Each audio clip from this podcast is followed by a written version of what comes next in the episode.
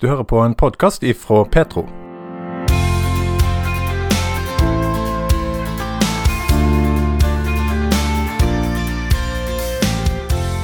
Vi blir påvirka av de vi har rundt oss, og måten vi blir speila av andre, gjør noe med oss.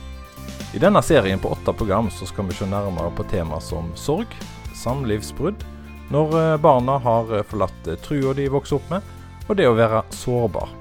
I dagens episode skal det handle om det å være sårbar. For hva gjør vi når livet vårt oppleves krevende og vanskelig?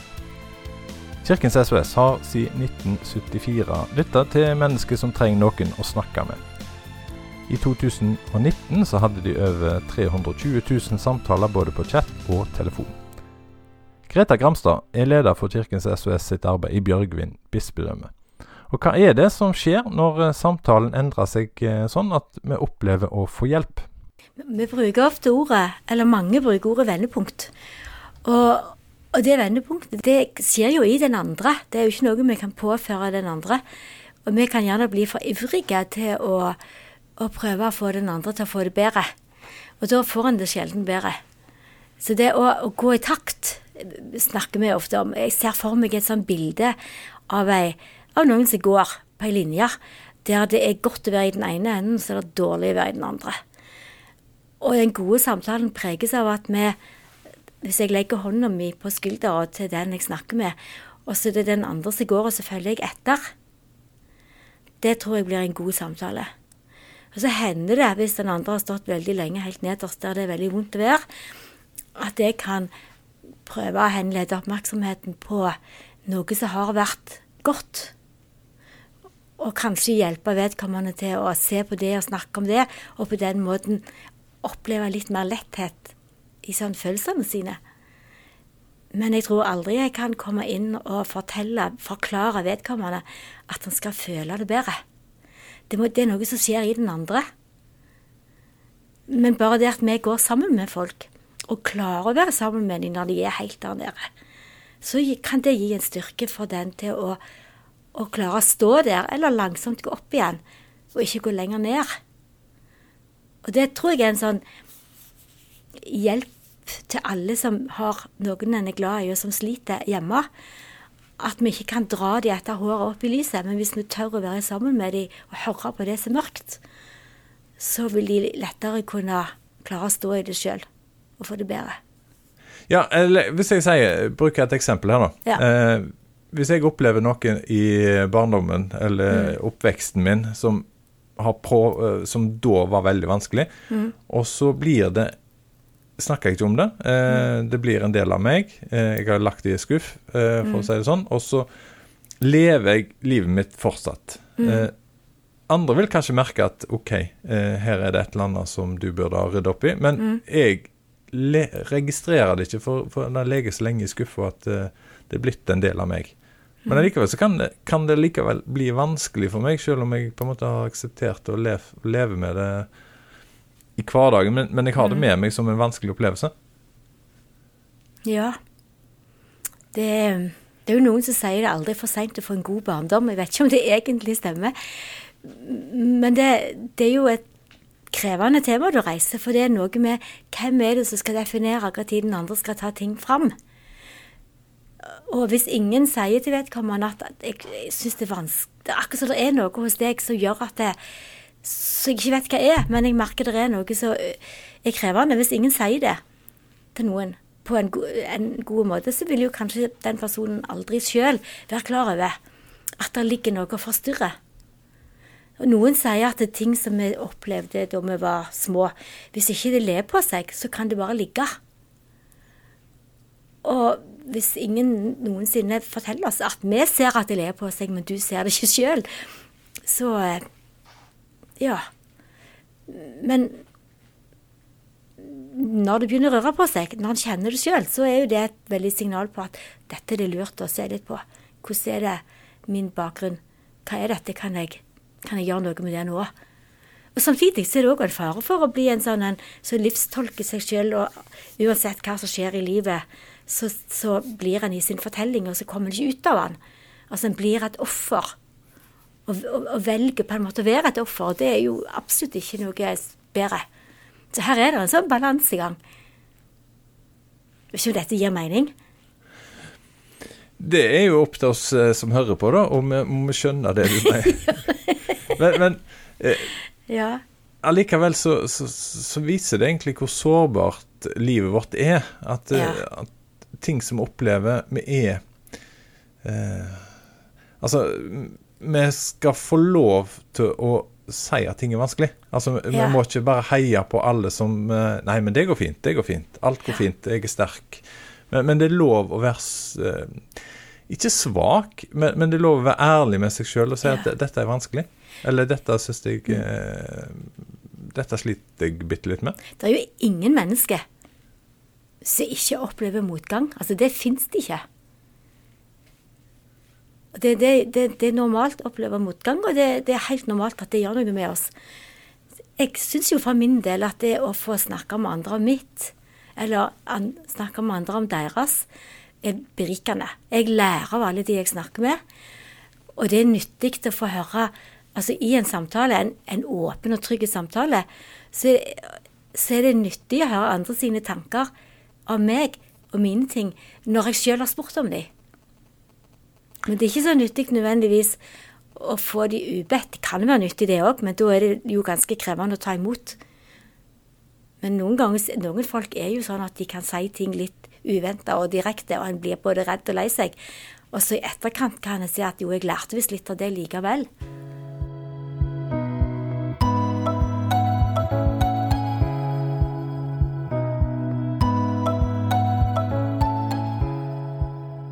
Kirkens SOS er til for å lytte. Det er, dere vil, vil høre, dere vil eh, lytte til historiene. Hva er egentlig grunnen til at det er så viktig for oss mennesker å ha noen som kan høre på oss? Eh, Altså når vi, når vi deler tankene våre og følelsene våre, så, så går vi inn i undringen og utforskingen av oss sjøl. Og da tror jeg det er sånn at La oss tenke at vi, vi er virkelig ulykkelige. Så ulykkelig at alt er blitt mørkt, akkurat som å være i en tunnel med nesten ikke lys i andre enden. Så tror jeg at det å få dele tanker og følelser med en annen, gjør at det lyset blir større. Bevisstheten vår utvider seg på et vis. Og vi ser mer, vi tenker gjerne til og med nye tanker, og får vokse som menneske dersom vi snakker med noen som er oppriktig interesserte i å høre oss, og som klarer å la være å definere oss eller finne løsningene, eller men som virkelig lytter. Vi har to ører eh, og en munn, og det sier jo det at en skal lytte dobbelt så mye som en snakker. Men eh, greier vi det? Jeg, jeg greier det ikke. Men jeg klarer, jeg klarer det nok mye bedre når jeg er på vakt på Kirkens SOS, for da er jeg så konsentrert på at det er det som er oppgaven min. Men eh, hvis du spør ungene mine, så tror jeg nok de vil si at jeg kunne nok øvd meg litt mer hjemme. I Bibelen så er det en bok eh, som det handler om eh, i Gammeltestamentet handler om jobb. Og han, I den historien der så har han besøk av tre eh, som kommer til han og skal hjelpe han. Eh, og de forteller han hva han skal gjøre. Og det står det da at det var feil. Hvorfor var det feil?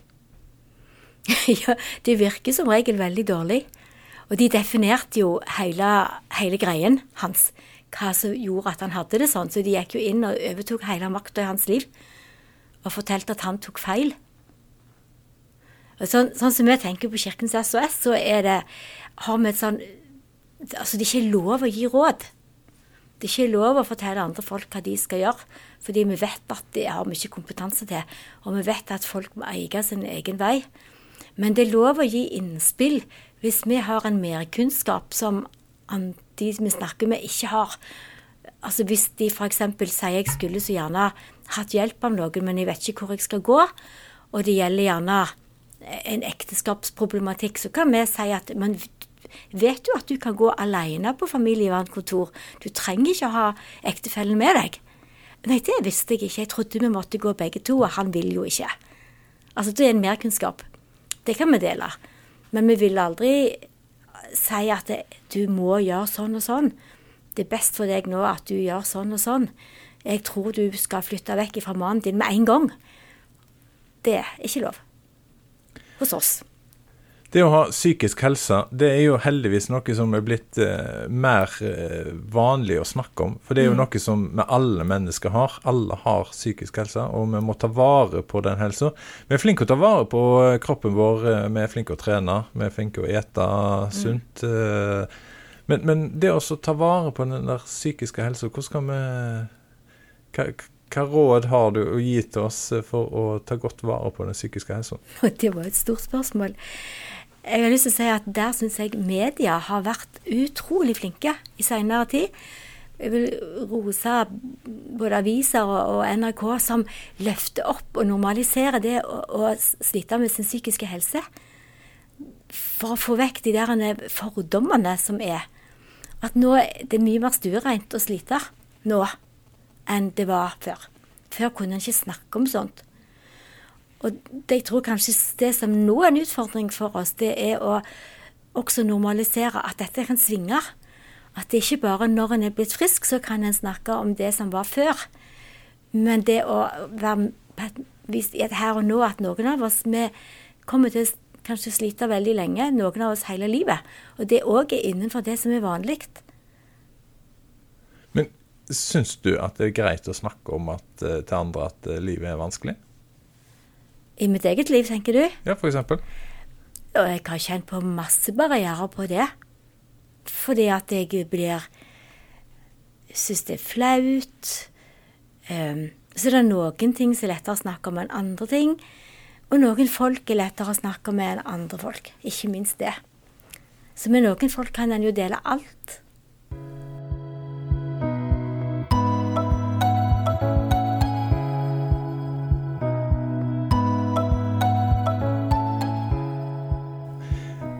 Ting som jeg har lyst til å spørre deg om. For vi snakka litt om uh, dette her med at livet er vanskelig. Uh, vi er sårbare som mennesker, og at sårbarhet er noe som kan hjelpe oss i livet. Og tørre å være sårbare. Mm. Men så har jeg lyst til å snu litt på det og så si Skulle vi vært flinkere til å dyrke glede og takknemlighet i samfunnet vårt?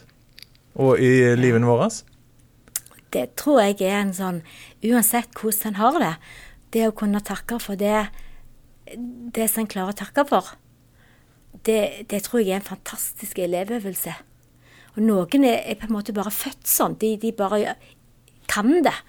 Og mange av oss, vi må, vi må øve oss. Vi må påminne oss at det, at det er lurt. For det snur jo fokus.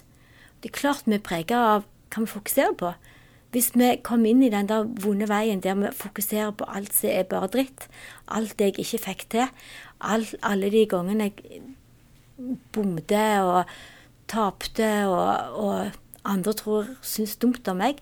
Hvis vi dyrker det på et vis, så klart at da blir det veldig stort.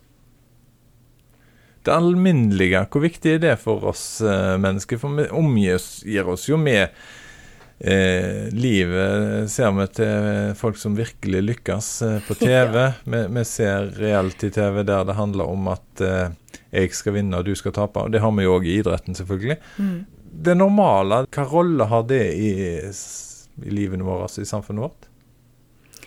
Jeg tenker du trykker på en ordentlig sånn øm tå nå.